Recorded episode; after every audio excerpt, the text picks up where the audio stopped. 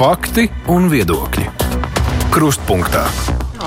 Studijā Mārija Ansone. Valsts ieņēmuma dienas darbu laiku pa laikam apēno kāds skandāls, kas nevēro uzticību iestādēji. Vienlaikus daudz sūdzas, ka tā nestrādā iedzīvotāju interesēs, bet birokrātiski apgrūtina nodokļu maksātāju dzīvi.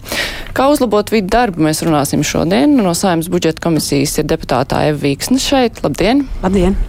Lilīta Beķeri ir no Latvijas Republikas grāmatvežu asociācijas. Sveicināti! Labdien! Uzņēmējs Normunds Bergs ir kopā ar mums. Sveicināti! Saftehnika un pārstāva tirdzniecības rūpniecības kameru un Latvijas universitātē Gundars Bērziņš. Kas būtu objektīvie uh, rādītāji, pēc kuriem mēs varētu vērtēt, uh, ieņēmuma dienas strādā labi vai slikti? Nu, pirmais objektīvais rādītājs, protams, būtu um, um, jautājums par to, cik mēs procentuāli ieņemam nodokļus pret salīdzinājumā, piemēram, ar kaimiņu valstīm. Tas ir viens tāds lielais mērījums, kur mēs saprotam, vai mēs to darām efektīvi. Otrs mērījums, kas ir faktiski um, servisa kvalitātes mērījumi, kas katra organizācija veids par to, uh, kā klienti uztver šo konkrēto organizāciju. Tas ir vairāk tāds um, kvalitīvs mērījums, bet tomēr ļoti būtisks. Lai tā būtu servisa orientēta organizācija, lai gan konkrētai organizācijai ir arī represīvās funkcijas uzdotas ar um, faktiski ministra kabineta lēmumu. Tā kā um, tur ir objektīvi jāņem vērā arī tas, ka represīvām organizācijām, uh, kuras pēc būtības tādas arī ir, jo viņas var sodīt par pārkāpumiem ir ļoti grūti būt uz klientu orientētām un saņemt augstu vērtējumu no klientiem. Tas objektīvi tā ir. Bet kopumā teiksim, tā ideja konsultē vispirms, kas ir realizēta, kurai būtu jābūt realizētai kā tādai pamatfunkcijai, papildinošai. Es domāju, šo jautājumu arī varētu risināt. Tātad, vai mēs konsultējam vispirms un tikai tad domājam par sodiem, vai mums ir viegli strādāt un mūsu teiksim, lai, patērētais laiks sadarbībā ar šo organizāciju ir minimāls. Tas būtu otrs, tas ir laika patēriņš. Un trešais ir, vai tiešām nodokļi. Nodokļu iekasēšana ir atbilstoša nu, teiksim, mūsu kaimiņu valstu iekasētiem nodokļiem. Viņi būtu līdzīgi. Tas nozīmē, ka mēs varam salīdzināt citām organizācijām ēnu ekonomikas rādītāji, kas Latvijā tradicionāli ir augstāki salīdzinot ar kaimiņiem. Arī tas ir viens no rādītājiem tajā pašā laikā. Nu, viena lieta ir iekasēt nodokļus no uzņēmumiem, kur ir uzrādījuši, ka viņi strādā, otra lieta ir atrast tos, kur nemaksā vispār, un tās jau ir divas dažādas Jā. lietas. Un šeit, šī gadījumā es gribētu teikt, ka te likumdevējiem ir jāuzņemās zināma atbildība, jo Latvijas likumdošana ir īpaši sarežģīta sākot no iedzīvotāju ienākumu nodokļa, neskaitām izņēmumi gan iedzīvotāju nodokļos, ir sevišķi, gan um, arī citos nodokļos, kā rezultātā. Uh, jo mēs sarežģītāku nodokļu sistēmu radām, jo grūtāk un ilgāk šai konkrētajai vidam ar šo jautājumu būtu jāstrādā. Rezultātā laika patēriņš, efektivitāte krītās. Tā kā es teiktu, ka mūsu gadījumā tieši vids um, šobrīd saskarās ar milzīgu darba apjomu. Es teiktu, ne, ne līdz galam pārdomāts nodokļu sarežģītības rezultātā. Es uh, jau Bergkungam teicu, ka pirms raidījuma lasīju Twitterī atbildes uz uh, jūsu aicinājumu uh, par ieņēmumu dienestu nu, šīs dienas diskusiju, lai pasakātu idejas. Un, uh, Eh, viens eh, atbildētājs ir uzrakstījis, man liekas, ka 90% no tēmām ir eh, zem virstēmas, kāpēc godīgiem nodokļu maksātājiem jāpierāda, ka nav kamielis, nevis ieņēmuma dienests un finanšu policija, muita un pārējie dara savu darbu un meklē soda pārkāpējus. Vai jūs piekrītat šai domai, ka nu, šajā gadījumā ieņēmuma dienests ir nu, tā, tā represīvā iestāde tajā pašā laikā? Nu, tas otrādi nestrādā, respektīvi, ka visi tiek uzskatīti par potenciāliem pārkāpējiem, lai gan varētu represīvi vērsties pret tiem, kur kaut ko nedara. Nu, gudri to sauc par riskos uh, bāzētu vadību, un pie mums tā notiek uh, ļoti maz. Nu, tas ir uh, tas ir viss Latvijas valsts aparāts, tā, tas nav tikai vits. Ir ārprātīgi pārbirokratizēts. Visa mūsu likumdošana ir ar neskaitāmiem izņēmumiem. Nu, tas ir tas, ko Gunārs jau sāka. Ja, ja tev pašnodarbinātajam ir nu, kopumā ārkārtīgi ķēpīgas atskaites. Un tas prasa daudz laika.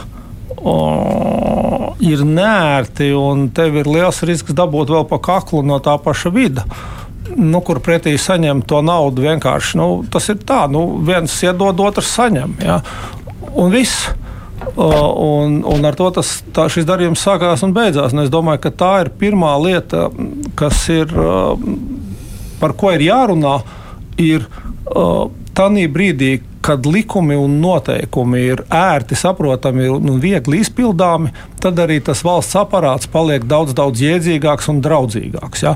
Bet kopumā es pilnībā piekrītu tam, ka vida šobrīd vide izpratnē, un piekam, nu, man jāsaka tā, pavisam godīgi pēdējo, pie, pēdējo piecu gadu laikā, nu labi, mums ir lielais uzņēmums, mēs esam labajā sarakstā, es kopumā esmu arī personīgi pietiekoši liels nodokļu maksātājs Latvijas valstī. Jāsaka, tas tanī brīdī, kad tev ir kāda neskaidrība, un tu zvani uh, vidā vārdā nosauktam konsultantam. Kopumā viņš cenšas ļoti labi, viņš ir gana uh, kompetents un tiešām tur strādā tas princips, nu, ka servis vispirms vai konsultē vispirms. Šo nu, nevar pārmest ja, ne vidam, ne vidu konkrētiem darbiniekiem.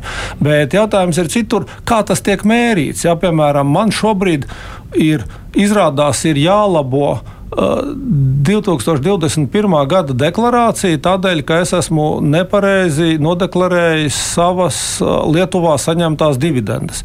Es esmu nodeklarējis to summu, ko es esmu saņēmis bankas kontā. Nu, to, to, ko saņēma ja, naudu. Izrādās, ka vidaprāt ir jādeklarē visu, ieskaitot nomaksāto nodokli Lietuvā. Un to jau vids zina, tādēļ, ka vidam uh, Lietuvas nodokļu iestāde šo informāciju ir nosūtījusi. Viņš labāk par mani zina. Ja? Un tad vids tagad pārbauda, ko es esmu ierakstījis tajā atskaitē. Un izrādās, es esmu ierakstījis nepareizi. À, tas ir tā kā Nodokļi. valsts noslēpumam piesakoties pārbaudīt, vai nav kāds jā, samelojies. Jā, jā, jā, mhm. jā, jā. Nu, mēs jau par tevi zinām, bet mēs paklausīsimies, ko tu mums stāstīsi. Un, ja tu mums stāstīsi kaut ko mazliet atšķirīgu no tā, ko mēs zinām, nu, tad tu esi vainīgs. Ja? Un tad sanāk tā jocīgā lieta. Man tiešām ļoti laipni izstāstīja, ka uh, jā, nodokļu sekas no tā Latvijas valstī nav nekādas, bet tas ir mans absolūts pienākums pienākums. Uh, veikt labojumu šajā vidi 2021. gada deklarācijā. Un labojumu arī veikt nevar. To deklarāciju principā visu ar roku ir jāievada no jauna. Ja? Un, nu, rezultātā es domāju, ka Vici patērēja krietnes stundas laika, lai to atklātu. Man vēstuli uz divām lapām rakstītu par šo faktu. Ja? Nu, es tagad droši vien pāris nedēļas briedīšu, baidoties, jo es jau nezinu, kāds tas ekrāns. Katru gadu arī tie video ekrāni mainās, nu, jo sistēmas tiek uzlabotas. Un, un, nu, katru reizi tev ir jauni pārsteigumi. Nu, tad es baidoties, kad atkal es iespējams ielaidīšu kādu kļūdu, labojot to iepriekšējo, nu, tā kā rakstīšu tos daudzos ciparus un spiedīšu to pogu. Jautājums, kāds ir mērķis? Ja? Vai Latvijas valsts nodokļos no tā iegūs vairāk? Ne, neiegūs. Ja? Nu, varbūt to nevajag darīt. Jā.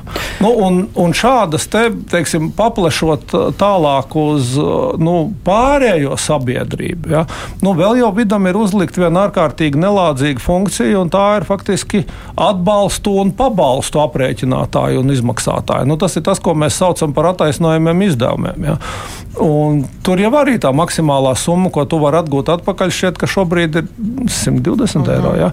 Nu, kopumā ļoti niecīga pret to papīru blāķi iesniegtajiem čekiem. Nu, jūs saprotat, visu katrs jau zina par saviem zobiem, tur bērnu pulciņiem un ko tik tur vēl nē. Viņi vajag ņemt nost. Tas vienkārši nav jādara vidam. Ja? Tas ir jādara nezinu, labklājības ministrijai, ja? kur var sadalīt cilvēkus pa grupām, kurām pienākās kaut kādi atbalsti, pabalsti un, un tā tālāk. Ja? Nu, viss šis te, vēlreiz mēs varam šeit, protams, lamāt un dusmoties par vidu no rīta līdz vakaram. Ja?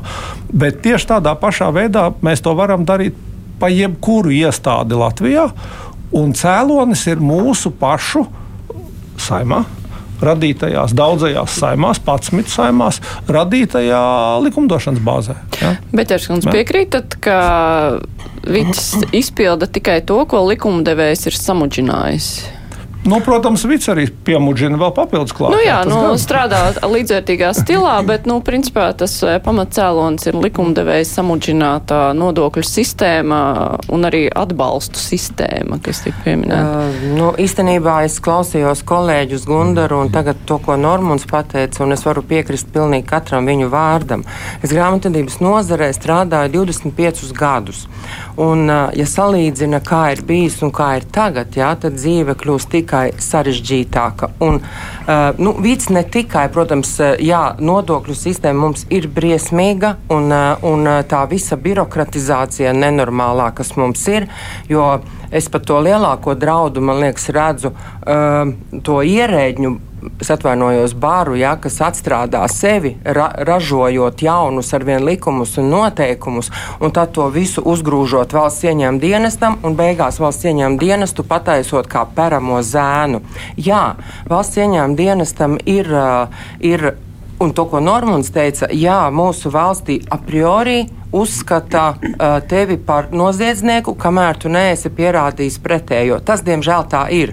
Jo, piemēram, arī, lai tu pieregistrētos kā PVN maksātājs, tev ir jāpierāda viss, jā, tur CV jāiesniedz, jā, no kurienes tev nauda nāk. Jā. Es atkal piesaukšu Igauniju, viņiem ir jāatbild uz diviem īsiem jautājumiem. Vai nu tu esi sasniedzis apgrozījumu 40 tūkstoši, vai tu gribi reģistrēties labprātīgi, un ar kuru datumu tu gribi reģistrēties.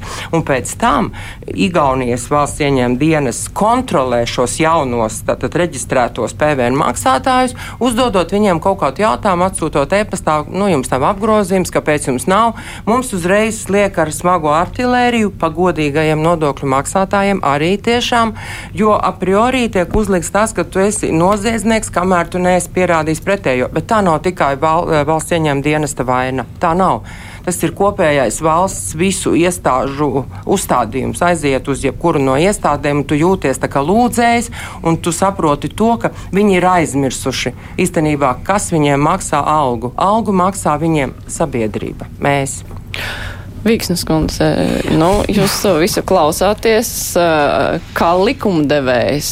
Nu, Ko jūs ierosinātu mainīt? Es saprotu, ka tur ir, ka tagad būs valdībā tajā skaitā par nodokļiem, diskusijas atsevišķas visa šī gada garumā. Bet ar ko būtu jāsāk, jūsuprāt, dzirdot visu? Nu, par laimi ir tas, ka 30 gadus esmu bijusi biznesā un tagad, laikam, tikai 4 mēneši likumdevējs. No nu jā. jāsaka tā, un ka var to jāsaka tā, novērtēt no abām pusēm arī. Jāsaka, tā, ka, protams, mēs tās krāsas sabiezinām ļoti daudz, un ir jau arī ļoti labas lietas ieņēmuma dienestā, un arī mm, personāls ir profesionāls. Bet, protams, ir ļoti daudz, kas šobrīd ir samilzis um, visā apkārt, klausoties un arī saņemot no gan dažādas um, gan vēstules, gan ir tikšanās. Man liekas, ka um, šeit, še, pat šeit klausoties, pirmais man šķiet, ka ir mums. Um, vispār valstiski ir jāmaina domāšana. Man liekas, jāmaina domāšana no tāda viedokļa attiecībā pret nodokļu maksātāju, jo kas maksā uh, nodokļus un tātad, tas, kas veido arī šo visu budžetu. Un arī šos cilvēkus, kas to dara fiziska vai juridiska persona, tomēr nevis vispirms, ka viņš varētu. Uh, nu, jāskatā krāpties vai kaut ko, bet uzskatīt tomēr a priori, ka viņš tomēr ir godīgs. Bet tā domāšana ir jāmaina kam? Likumdevējam vai Nē, domāju, ieņēmumu dienestam? Vis, e, šajā gadījumā es teikšu tā, pirmkārt, visai sabiedrībai mums kopumā. Tā arī skaitā arī. Ļoti tas ir ārkārtīgi tāds tais... izplūdis nu, darbs, jo nu, visi var sēdēt un mainīt domāšanu, bet uh, droši vien ir jārada kaut kādi priekšnoteikumi, lai tas notiktu. Mm, ja mēs ja mēs tā šodien, m, mm, pirms šejienes nākšanas, pat izlasīju ieņēmumu dienas mērķus, vīzijas un misijas, kad es apskatījos pati jaukākā organizācija, kas varētu būt. Es domāju, ka ļoti daudzi uzņēmumi zem tā varētu parakstīt godīgums, atvērtība un tā tālāk. Protams, ka šajā gadījumā, ja mēs runājam tādā ieņēmuma dienas, tas, ka mēs nevaram teikt, um, ka visi to nedara. Kad, um, attieksme pret uzņēmumu, uzņēmējiem mm, nu, būtu jāmaina. Ir daļa, un neteikšu, ne mazākā daļa, kā arī Normunda piemērs bija, kad um, zvanot un interesējoties uz jautājumiem, arī detalizēti atbild. Um, Ko mainīt? Man šķiet, ka te ir, ja mēs skatītos tā kā saka, gan nevar salīdzināt kā ar uzņēmumu. Protams, ka ļoti daudz ko nosaka uzņēmuma vadība, kādu stilu arī tu uzņēmumā ievies. Vai skaldi un valdi, vai tomēr tā attieksme ir, kad mēs visi esam jāsaka, kā komanda un arī strādājam vispirms ar nodokļu maksātāju. Uh, nu, ne, negribētos teikt, nevis sarunājoties, bet ir likumi, kas ir jāpilda un nodokļi ir jāmaksā. Uh, bet tā pašā laikā vispirms mēs uh, ļaujam um, paskaidrot, vai arī kāpēc tas ir sanācis. Zem šī paskaidrot, arī man liekas, ka uzņēmēji uzreiz var teikt, ka tas paskaidrojums var būt gari, plaši un ilglaicīgi, un kas nenes pie rezultātu. Jo es esmu no savas tomēr 30 gadus bijusi biznesā. Tomēr man šķiet, ka um, nevienmēr tie paskaidrojumi, paskaidrojums tas tā kā liekas birokrātiski atrakstīšanās. Man liekas, ka te ļoti labi arī Normons un arī šobrīd, ko mēs strādājam pie nodokļu pamatnodas darba grupā, uh, ka nodokļu sistēmai, ko arī veidojam, un arī viņai jābūt vienkāršai, saprotamai. Ja mēs izlasām likumu vai ministru kabineta notu, mēs zinām, ko darīt. Mēs, nevaram, mēs varam diskutēt ļoti šobrīd par diferencētu neapliekamu minimumu, kas ir, man liekas, morzas ābets un pat grāmatvedis neaprit. Un ja mēs pat katrs gribam šobrīd noteikt uh, algu savā uzņēmuma darbiniekam, tad mēs viņu nevaram noteikt. Bet tad ir tas pirmais, pie kā ir jāstrādā, ir jāvienkāršo nodokļu Jā, sistēmu. Jā, tā ir nodokļu sistēma, tā ir vienkārši saprotama nodokļu sistēma, kas atvieglotu gan darbu uzņēmumu grāmatvežiem pārsvarā, un tā skaitā ieņēmuma dienestam, tā skaitā, lai arī šī katras izmaiņas, jo sarežģītākas viņas ir, gan digital, visām šīm datu bāzēm un tā tālāk, un tas pavēlkas viss, un tad sanāk tāds liels muģeklis. Nu, es, es arī pirms raidījuma palasīju par Igauniju.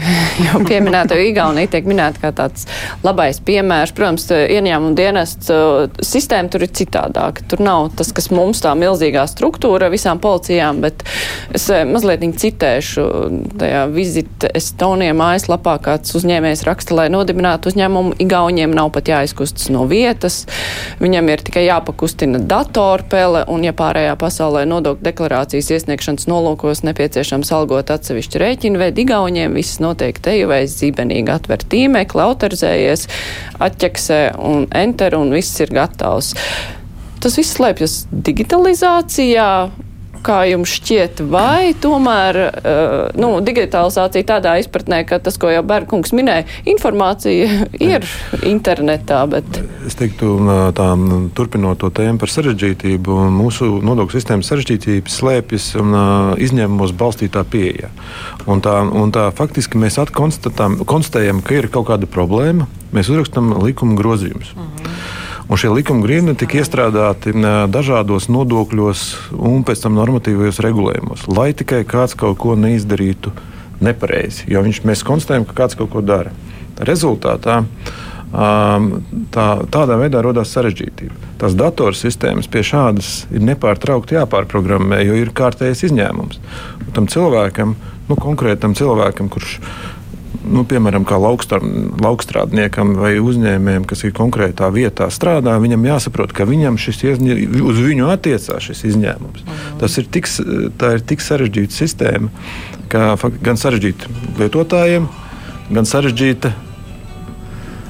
Gan sarežģīta arī klausīt, nu, teiksim, vidam.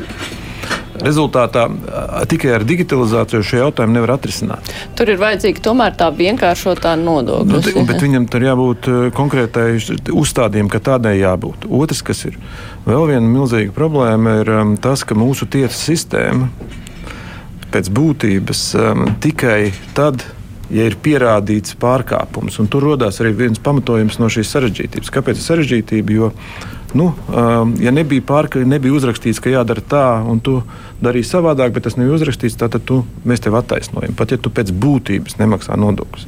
Un tā ir tā otrā lieta no likumdevējiem, ka ir divas pieejas. Tur bija mēģināt aprakstīt realitāti ar normatīviem.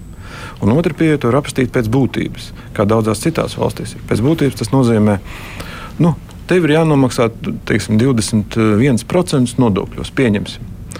Un tad Ja tev nav tālāk, nav detalizācijas tieši kurā brīdī, ja tu, viņus no saviem ienākumiem nenomaksā, kaut kādiem, tad jau tev var tiesa šo jautājumu skata pēc būtības, nevis vai tu esi pārkāpis izņēmumu numuru 5 trīs reizes. un tā ir tā pieeja, kā mēs rakstām šo likumdošanu. Vai pēc mēs mēģinām noteikt, noteikt tādus vēlamos mērķus, un likumu skatām pēc būtības, vai mēs mēģinām aprakstīt realitāti normatīviem. Un mūsu pieeja, diemžēl, ir ir visu mēģināt aprakstīt kā normatīvu. Bet, eh, nu, kur tas sākās, kurā brīdī? Jo, nu, acīm redzot, bija gadījumi, cilvēki Jā. ir gudri, viņi ir mācējuši kaut ko apiet, slavenie PVN karuseļi, ar kuriem cīnījās. Tad, nu, tad mēģina kaut Vācijas, ko izdomāt. Vācijas nodokļu sistēmā balstīta pieeja. Nu, tas jau ir mūsu vēsturiski izveidojies. Ir angļu pieeja, kur ir uzrakstīts pilnīgi otrādi. Viņi saka, tev ir jāievēro tā, un ja mēs noķersim, ka tev pārkāps, mēs tev sodosim. Un mēs tiesa izvērtēs, vai tas ir pārkāpums vai tas nav pārkāpums. Un tā mūsu vēsturiski vienmēr bijis, ka mums patīk visu normatizēt. Un, eh, vai mēs to domāšanu, kā jūs jau minējāt, varam mainīt? Eh, tas ir labs jautājums, eh, un par to būtu jābūt tādai plašai diskusijai sabiedrībā, kā mēs gribam, vai mēs viens otram uzticamies. Un uh, rakstam un uzticamies arī tiesu sistēmai, ka viņi izvērtēs pēc būtības šos jautājumus. Tādā veidā mēs um, sumāri ietaupīsim milzīgi daudz līdzekļus visās iespējamās veidās. Un uh, uz tiesu tad tiesa varēs risināt tos jautājumus, kur tiešām ir problēma. Mēs varam mainīt to domāšanu. Nu, tie, kuri grib mainīt, tie jau laikam ir mainījuši, bet vai mēs uzticamies uh, tiesu sistēmai un visiem pārējiem? Es gribu paoponēt Gundaram kopumā. Um, nu, pie šīs prūšu likumdošanas sistēmas, ka visu vajag ap, ap, aprakstīt 30,000 pantos, un rītdien būs 30,000 un pirmais pants nu, no, gadījums, kas netiek uh, uzska, uzskatī, uzskaitīts šeit. Ja. Kopumā šādu mūsu gan nodokļu, gan juridisko, gan ierēģiņu sistēmu, es domāju, ka jau šodien var aizstāt ar datoru. Visus ierēģiņus jau šodien patiesībā varētu atlaist, un nekas slikts nenotiktu. Kompis to izdarītu. Tikai jo kompis, no, ne, ne, nu, jā, jā, tieši tā viņš ir viegli, viegli programmējams. Tāpēc, ka nu, ir bināri, vai tu atbilsti vai neatbilsti, un pēc būtības neskatās neviens. Bet šeit es gribētu tomēr iemest vienu nu, tādu lielu akmeni vidu un kopumā arī pārējo. Mm, ierēdniecisko organizāciju dārziņā. Iemesls, kādēļ tā Latvijas likumdošana ir tik ārkārtīgi samudžināta, ir tā, ka ierēģi rada Latvijas likumdošanu. 30 gadus to ir darījusi. Saimā to praktiski mēs tikai jā, jā, nē, tie, ir ierēģi, nē, tie ir ierēģi ar savu domāšanu, kas dzīvo tajā vietā un kopumā rada sev papildus darbu. Nu, jūs saprotat, nav nekas jaukāks kā šaušalīgs likums, ko tikai tu labi pārzini, jo tad viss stāvēs rindā pie tevis, jo tu sapratīsi, kas tur ir rakstīts. Ja? Jo, nu, teiksim, svaigākais piemērs, ja šobrīd tūlīt sāksies liela putošanās saimā, neizlaid cauri. Ja. Uh, Vits, vits nāk ar likuma grozījumiem, kuri saka, ka uh, Vits varēs piemērot sevis iedomātu statistiski noteiktu vidējo algu pēc nace kodiem katram uzņēmumam, un Vits varēs izdomāt, vai tā alga, ko tu deklarēji, ir atbilstoša vai neatbilstoša. Un tad, ja vidam šķitīs, ka neatbilstoša, tad pēc vidējās vids tev piestādīs nodokļu rēķinu. Nu, tas ir tur nāk nākamās šausmas. Šis process ir nepārtraukts. Un ar katru tādu ciklu tā likumdošana paliek arvien neiedzīgāka vara ierēģiem tiek dota arvien lielāka, un visu to procesu ir arvien grūtāk kontrolēt. Nu, nav tā, ka kāds cits no Marsa izdomāja arī to šaušalīgo PVN anketu. Nu, pilnīgi stulboja. Nu, ka tev ir jācevišķi, ja to ir mazais uzņēmums. Ja, kā jūs, kā, cik jūs plānosiet, lūdzu, peļņu nākamajā gadā? Lūdzu, pasakiet, Vīksnes kundze. Ja? Un tas tev ir jāuzraksta un jāparakstās. Un tad tev saka, bet tu nekreņķējies par to, jau mēs nesodīsim. Ja? Un tad ir jautājums, kāpēc tu vispār man to prasi? Kas, ja tu par to nesodīsi? Nu, te ir tā lieta, ka kopumā ir sadomāti šādi ārkārtīgs daudzums bezjēdzīgu darbu, ja, kas nozog laiku gan no sabiedrības, nu, gan kopumā arī no nodokļu maksātāja. Tāpēc, ka otrā pusē nu, kāds cilvēks, kāds labs ierēdnis to visu laiku pārbauda un kontrolē. Nav labi, es, es, es šeit jāsaka, esmu ārkārtīgi pesimistisks. Ka, nu, vienīgais ceļš man šķiet, ka būtu, es nezinu, kaut kā noraut stopkrānu un pateikt, ka nu, mēs divas trešdaļas no tā, ko mēs darījām tagad, nu, no izziņām, piemēram, ja, nepieprasām vairāk. Nu, nebūs. Bet kā to izdarīt, es, es, es nezinu. Man, man nav laba padoma. Ja es biju pirms desmit gadiem samērā optimistisks, tad šobrīd man šķiet, ka mēs tam purvā grimstam tikai dziļāk. Bet, Čerskundze, kā jums šķiet, to var laust? Jā, nu šis ir. Es arī Normundam mazliet paoponēšu, bet arī gribētu piekrist. Man arī ir sajūta, tiešām, ka mēs grimstam ar vien dziļākā purvā. Un, bet kāpēc? Man ir tāda bišķi, tas arī sarunā no sākuma izskanēja, ka mums valsts ieņēmuma dienestam ir uz, uzlikts virsū pārāk daudz funkciju. Viņi vienkārši, es domāju, fiziski netiek ar to galā. Un pieņemsim par to PVN anketu briesmīgo, vai ne? Arī manis piesaut un to, ko Normunds tagad teica. Uh, tur ir tā, ka nu kā, nu, lai, tātad likumā ir ierakstīts, jā, lai te viedotu PVN numuru, jā, tad valsts ieņēmuma dienestam ir jāpārliecinās, vai tu tagad esi pareizais. Jā, tad viņi arī pārliecinās. Un viņi šo metodi pārliecināšanās izmanto tā, kā viņi to māca. Uztaisot tādu šausmīgu anketu, kur tev jāstāsta, ka tu neesi ēzelis, kur tu dabūji naudu un vispār, kur tev tur vecstāvs un vecmama bija un vispār. Uh, par tiem 80% runājot, jā, uh, kopumā es atkal piesaukšu Igauniju, vai ne? Igaunijā arī ir. Un kāpēc tas tā? Es nezinu, vai viņiem ir 80%, bet es saprotu šo jēgu, kāpēc vispār to grib ieviest. Tāpēc, ka valstī nemitīgi jau 30 gadu garumā, kopš es dzirdu, notiek cīņa ar pelēko ekonomiku. Un mums ir eh, pelēkā ekonomikas īpatsvars. Mums Latvijā ir visaugstākais eh, tātad Baltijas valstīs. Un eh, viena, viens no pelēkās ekonomikas stūrakmeņiem ir aploksņa algas. Un, protams, bet ņemot vērā NACE kodu tā sistēma, kura ir novecojusi, es nezinu jau cik gadus, ka viņi. Vajadzētu vispār... paskaidrot klausītājiem tikai, ko tas nozīmē. NACE kodi, tas mm -hmm. nozīmē profesiju kodi, kuri tiek piešķirti, piemēram, grāmatvežiem kodi, tur ir vismaz kādi pieci vai seši ir, jā, juristiem entie. Un tad, eh, ja tu pieņemsi, ja tu trāpīsi tajā algu, kur, teiksim, tās zemākās, jo grāmatveži, pieņemsim, arī viņi var jaunāki, vecāki, praktikanti, palīgi, tāpat kā juristi. Un tad, ja tu ieliec to nabaga juristu valdes locekļi, piemēram, mazā uzņēmumā, viņš varbūt saņems labi, ja tūkstots algu, var, varbūt brūto, varbūt mazāk. Lielā uzņēmumā saņems 11 tūkstošus, un tad viņš ir zem viena nace koda. Un tad tu ieliksi viņu arī to pašu juristu, teiksim, tā diference būs. Šeit tas, ko viņi grib, lai, lai, izvai, nu, lai tiktu galā ar tām pelēkajām algām, vai šis ir pareizā metode. Igaunijā tas ir un Igaunijā tas strādā. Starp citu, uzņēmums atver savu EDS, un viņš redz, pirmkārt, viņš redz savu reitingu, vai viņš ir zaļš vai oranžs vai kāds, tātad cik viņš labs. Otrakārt, viņš redz uzreiz, kādas ir viņa algas, un ja viņš arī maksā zemāku algu kā vidēji nozarē, tāpat kā mums grib, tad viņiem atsūta, tātad Igaunijas nodokļu administrācija atsūta jautājumu e-pastā, kāpēc jums alga ir zemāka šim darbiniekam nekā, teiksim, tā, un tad tu vari to paskaidrot. Viss jautājums ir par attieksmi, jo varbūt tur pret tevi izturās kā pret klientu, mums uzreiz tātad, nu, tātad mēģina to ielikt kaut kādos tādus. Tas tā, nu, jā, tāpēc es tā. Es, es, no vienas puses es saprotu, no otras puses tas veids, kā tiek, nu, tad īsti kaut, kaut kas tur bišķi nav. Kā, jā. Nu jā, bet par to laušanu, attieksmi. Par to laušanu, es, jā.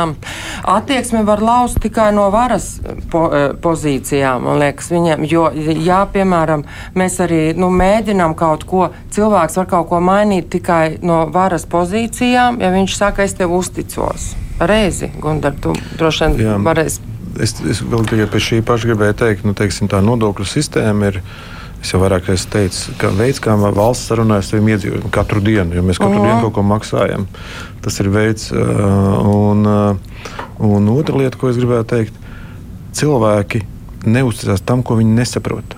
Ja tu uztaisīsi sarežģītu sistēmu, Kāpēc nepatīk matemātika? Es viņu nes, nes, nepatīk tiem, kas viņu nesaprot. Tiem, kam viņi patīk, kas viņu saprot, viņi patīk. Ja mēs uzstājam nodokļus, kuru mēs nesaprotam, kā mēs gribam, lai kāds viņu uzticās un vēl maksā tos nodokļus, nu, paskaidrojiet. Un tad neuztaisam tādu sistēmu, kur ir saprotama, mēs viņai, tad mēs viņai sāksim uzticēties, un tā var mainīt domāšanu. Ko mēs, sapr un, ko mēs saprotam nodokļu sistēmu? Nodokļu sistēma nozīmē, ka es saprotu, ka cik no mana konkrētā iedzīvotāja ienākuma nodokļa aiziet veselībai. Nevis tur viens procents kaut kāds, kas ir nenozīmīgs. Un tad mēs nezinām, no kurienes piemaksājam vēl 12%. Bet nu, pasakam, mēs saprotam, ka, cik man aiziet, cik man aiziet pensijai precīzi. Un katru dienu, katru mēs varam redzēt tās atskaites gan par veselību, cik mēs uh -huh. ieņēmām cik mēs iztērējām, jo mums tas arī ir uzskaitīts. Un šādā veidā mēs varam panākt, ka tomēr cilvēki sāk tajā nodokļu sistēmu uzticēt. Igauni to ir izdarījuši īstenībā ar veselības sistēmu. Arī piedodiet, ka mēs uz viņu atsaucamies, bet viņiem ļoti skaidrs saprotams, bez viņu savu šī koda viņi nevar saņemt nevienu veselības pakalpojumu. Viņi uzreiz redz atskaiti par sevi. Mm koalīcijā tās diskusijas, kas notiek, tas iet uz to pusi, par ko mēs runājam, vai sarunas par to nav? Tādā. Tātad, nu, ja mēs tagad atkal par koalīciju, mēs jau gadu ieņēmām dienas, tu gribēji. Nē, nē, bet, bet ja būtu runā par koalīcijā, tad eh, sadarbības padomē, kā mēs visi jau zinām, ka apvienotais saraksts eh, ir iebildis un nav bijis skaidrs arī mums nav paskaidrots vēl jau šobrīd, bet nu, 2. 3. aprīlī mums ir tikšanās ar ieņem dienas vadītāju un arī ar finanšu ministru, paskaidrojot, um, kā tas notiek process, pieņemot un atjaunojot. Uh, amatos, un savukārt mēs saņemam cita veida vēstules. Līdz ar to šis ir tas atkal, atkal tas jautājums par caurspīdīgumu, par godīgumu, par atklātumu. Un jo mēs necaurspīdīgākie, jo mēs nemākam, arī šodien mēdījos jau vienā lasījām, ka kaut kas kaut kur tiek slēpts. Un, ieņēma dienas darbinieku vēstules kaut kur paslēpjoties. Jo, ko es gribu ar to teikt? Jo, ja mēs neesam atklāti pēc sabiedrību šajā gadījumā, ja mēs runājam tieši pie, piemēram par ieņēmumu dienestu, kuram jābūt būt kā paraugam caurspīdīgumā, godīgumā, patiesumā, uzticībai, jo tas ir uzticības koeficients. Uzticības koeficients tam, lai nodokļu maksātājs maksātu naudu. Un es kā godīgs saimnieks ar to godīgi rīkojos un arī tas saucamais līgums mūsu abu pusēs. Te arī piesauktais, kurš tikko šodien arī par šiem grozījumiem par nodokļiem nodevām, ko Normons piesauca, ir jāsaka tā, ka mēs apvienotais saras jau decembrī viņu apturējām un neaizgāju uz pirmo lasījumu, un arī rītdienas budžeta komisijā viņš tika izņemts.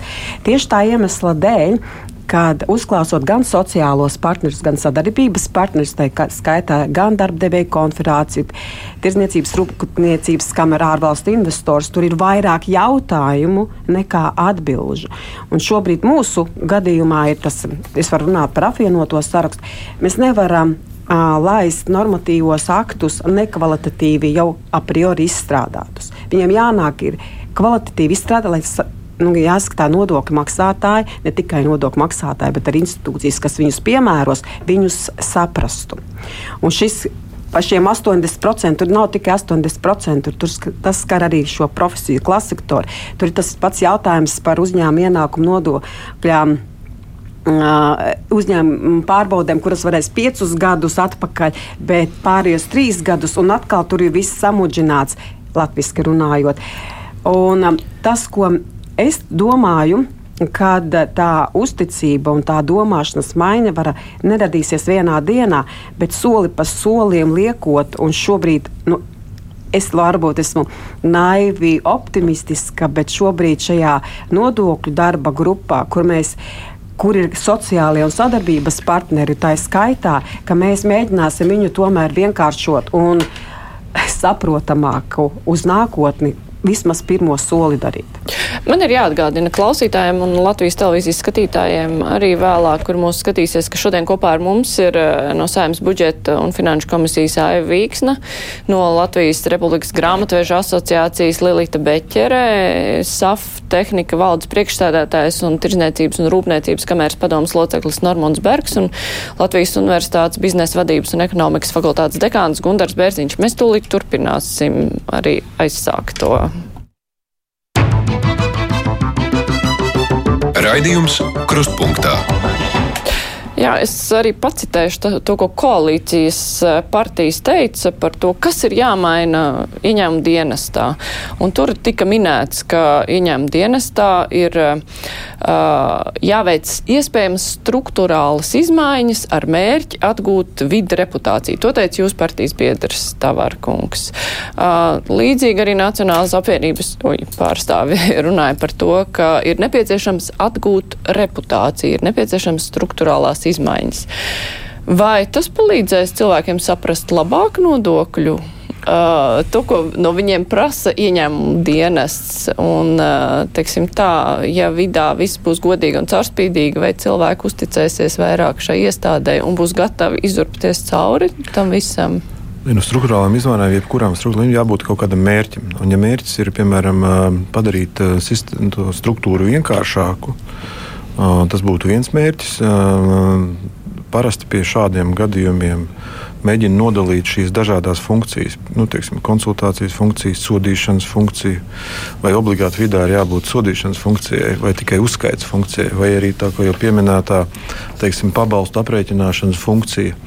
Un šie būtu tās tie jautājumi, par kuriem būtu jādiskutē. Ja mēs gribam kompaktu, uz mērķu orientētu organizāciju, tad parasti šādas um, struktūrētas, fokusētas funkcijas strādā efektīvāk nu, mēs viņam ir viena, viena vai līdzīgi uzdevumi, jo, piemēram, labi aprēķināt uh, nodokļus un veikt uh, teiksim, krimināla vajāšanas darbības ir ļoti dažādas funkcijas. Viņš šobrīd salikts vienā organizācijā.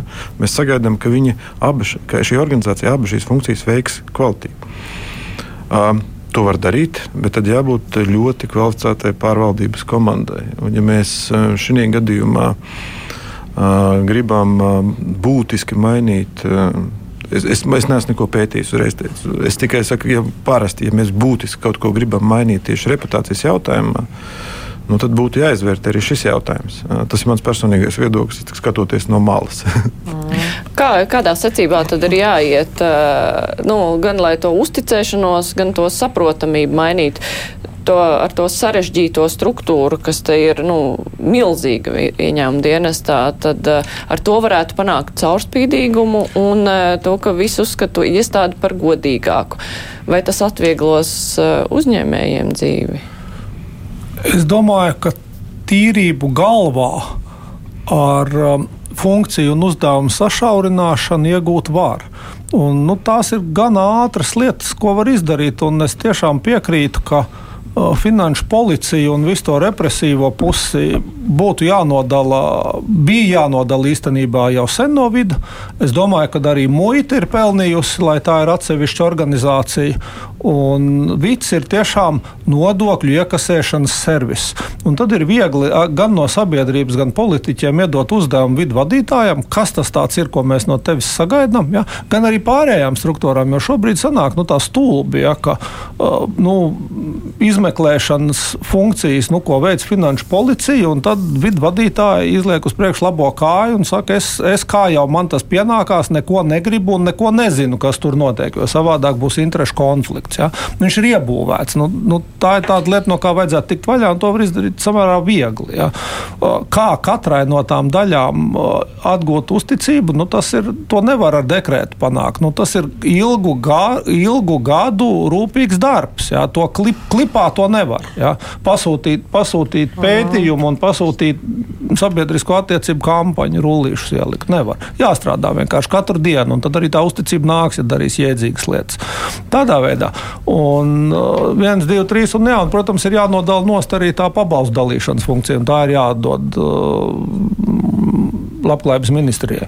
Nu, IT sistēmas īstenībā šobrīd varamā tiek būvēta sistēma AVIS, ja, kas ir universāla pabalstu dalīšanas sistēma. Ja. Viņu vajag iedarbināt, un viņu vajag sākt lietot. Vidam tas nav jādara. Ja. Un tad arī būs skaidrība galvās, ja, tad arī tas ir tāds iedzīgākais ceļš, kādā veidā tikt uz to uzticību. Ja. Es tikai gribēju papildināt. Ja? Papildināt, ir finanses izlūkošanas dienas, kas mums arī tāds vēl ir. Kurš mm. daudz vairāk atbilst. Uh, Pareizi, ir galvenais. Īstenībā, ka represīvi orgāni ir diezgan daudz. Un, ko es to gribu teikt, ka, uh, nu, am, kurš tiks skaidrībā ar šīm visām dažādām funkcijām un šo organizāciju uh, kaut kādu mērķtiecīgu rīcību savu funkciju ietvaros?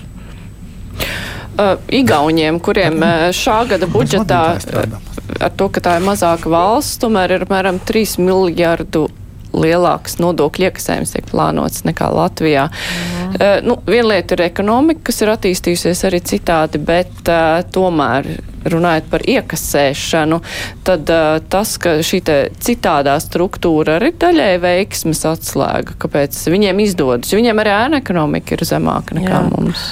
Nu, es droši vien nevarēšu simtprocentīgi pa simt procentu pateikt, kāpēc viņiem izdodas labāk.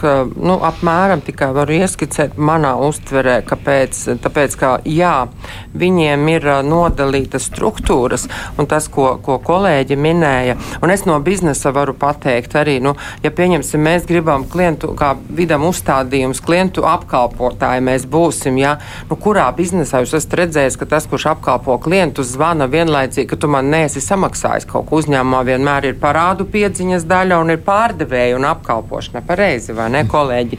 Līdz ar to Igaunijā arī viņi to tēlu veiksmīgi būvēja. Un, uh, viņiem tā, un, uh, bet vēl ko es esmu ievērojis, tas, ka Igauniem ir mazliet, es nezinu, vai tas ir tāpēc, ka viņi Somijai blakus vai kā, kā viņiem ir mazliet cita domāšana. Viens gadījums uz dzīves, uh, arī par sabiedrības domas maiņu. Mūsu, piemēram, ja jūs gribat nopirkt nu, kaut kādu mēbeļu iekārtu vai vienalga, ko, ja tu aizēji un saki, tātad šī tik maksā, re, kur tur 1200, bet, ja tu maksā skaidrā naudā, tad būs tas, nu, tas tūkstots. Un, eh, lai metā akmeni tas, kas bez grēka, es domāju, ka mēs arī tā smuki. Bet eh, viens mūsu kolēģis, nu, ne, nu Latvijas eh, cilvēks bezbrauc uz Igauniju, kaut ko viņš tur vēlējās arī iegādāties līdzīgā veidā. Un tad, kad viņš uzjautāja šim igauņu uzņēmējam, tur Igaunijā, tad tas uzņēmējs viņu paskatījās un ilgi un viņš teica, kam tu piedāvā man nemaksāt algu - skolotājam, policistam vai ārstam.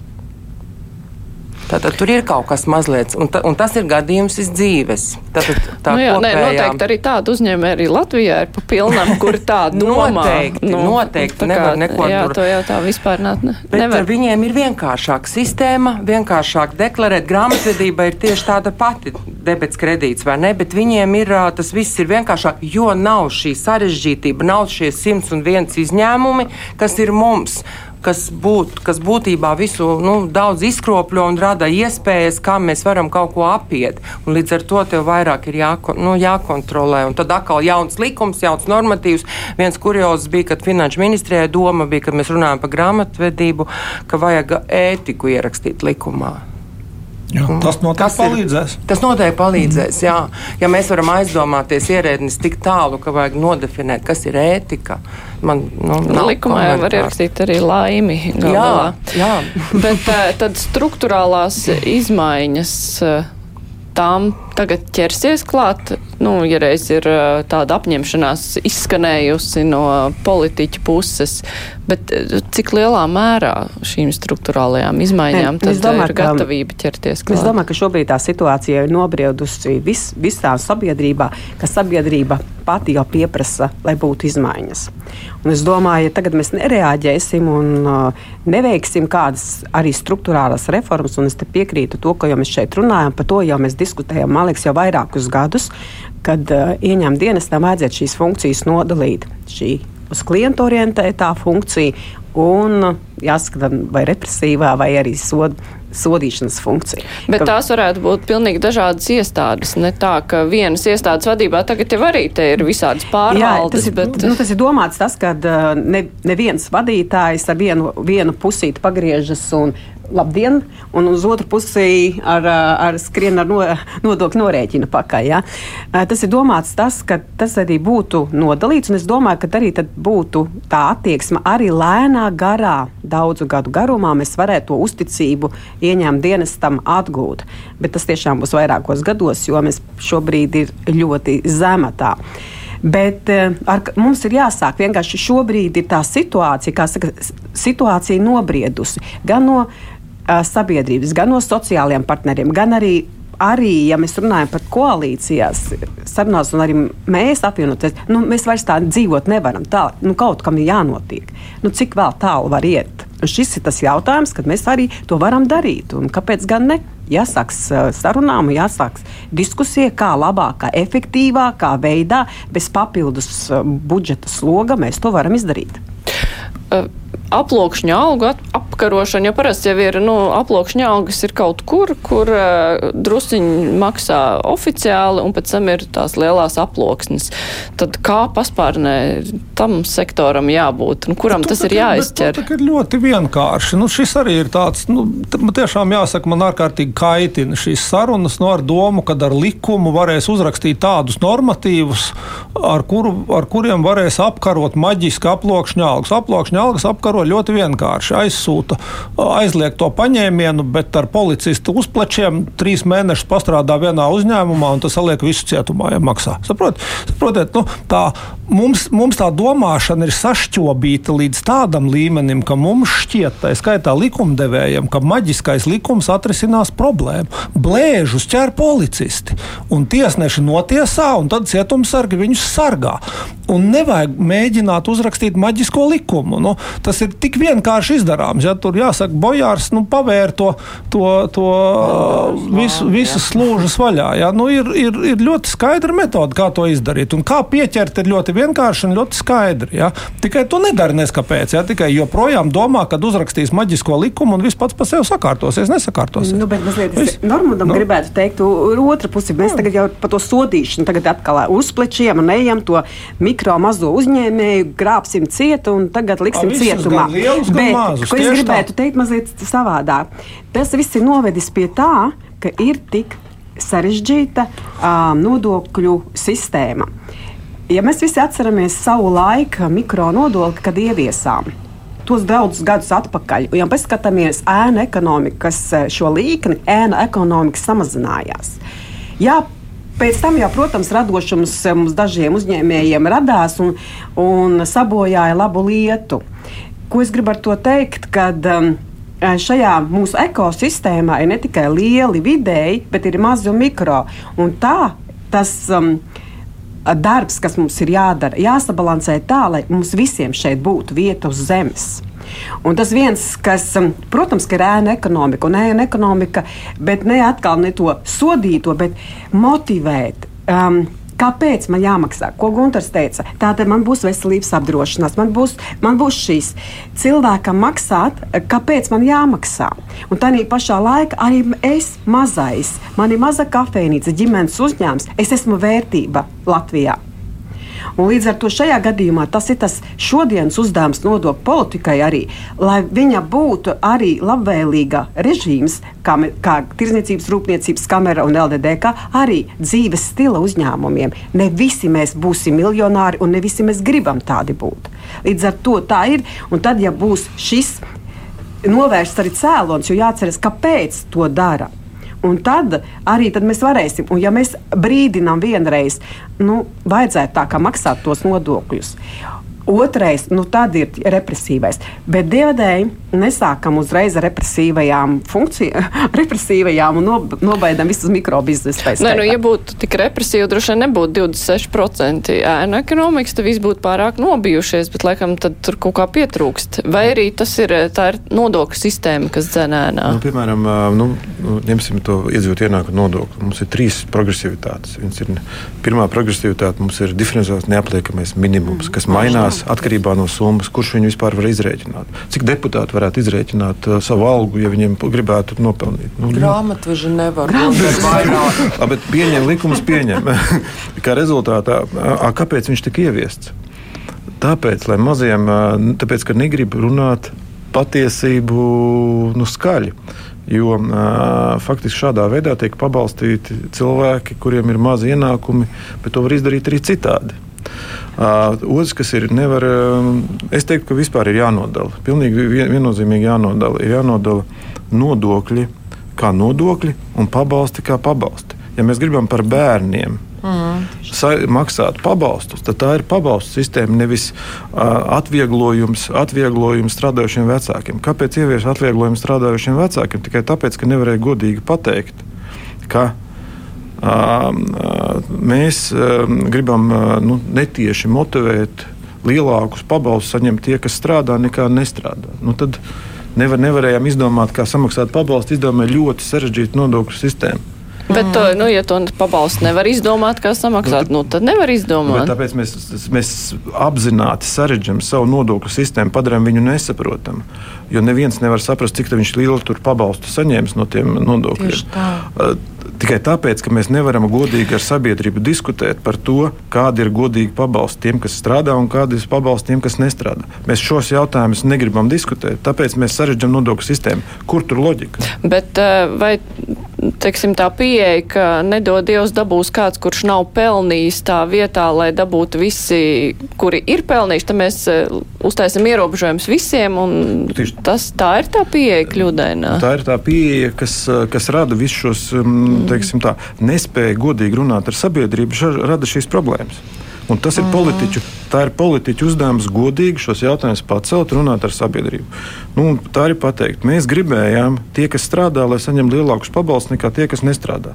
Bet to jau neviens tā nesaka. Bet faktiski tā sanāk. Tad, tad nu, godīgi pasakām un, un risinām šo jautājumu caur godīgu atbalstu sistēmu teiksim, ģimenēm ar bērniem. Vīksnes kundze, godīgi teiksiet tagad vēlētājiem?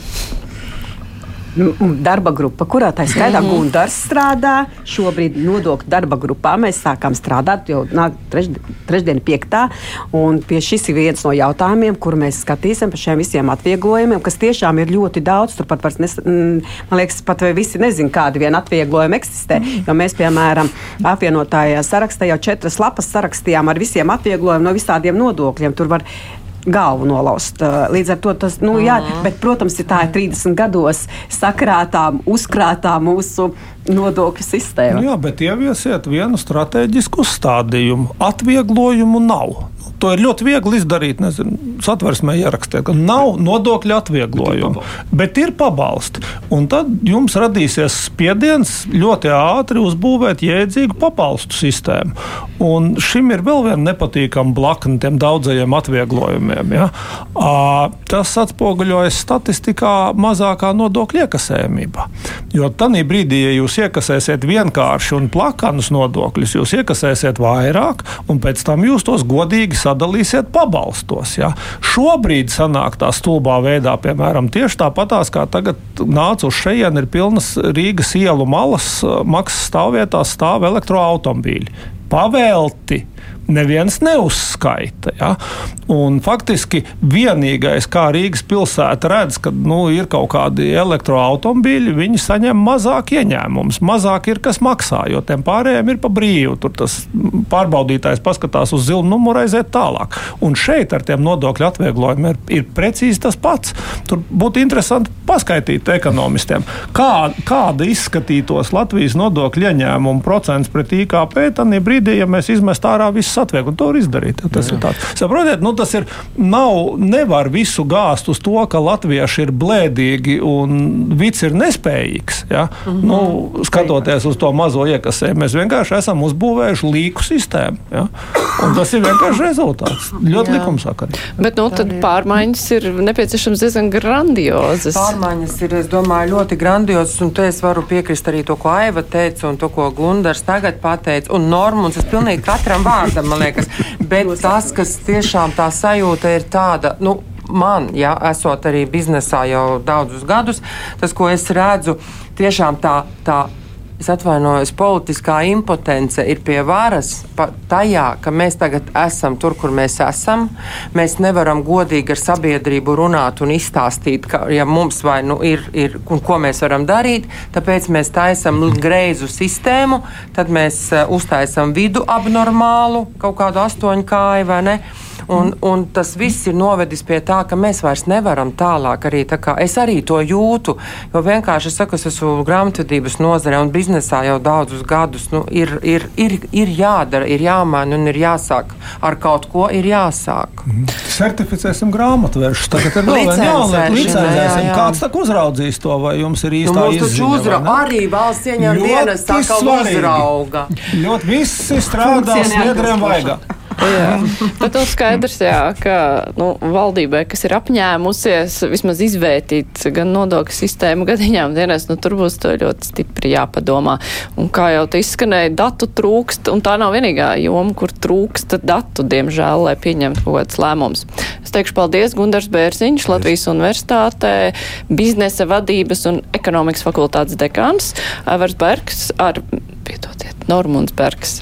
Es par vēsturnieku jūs nosaucu.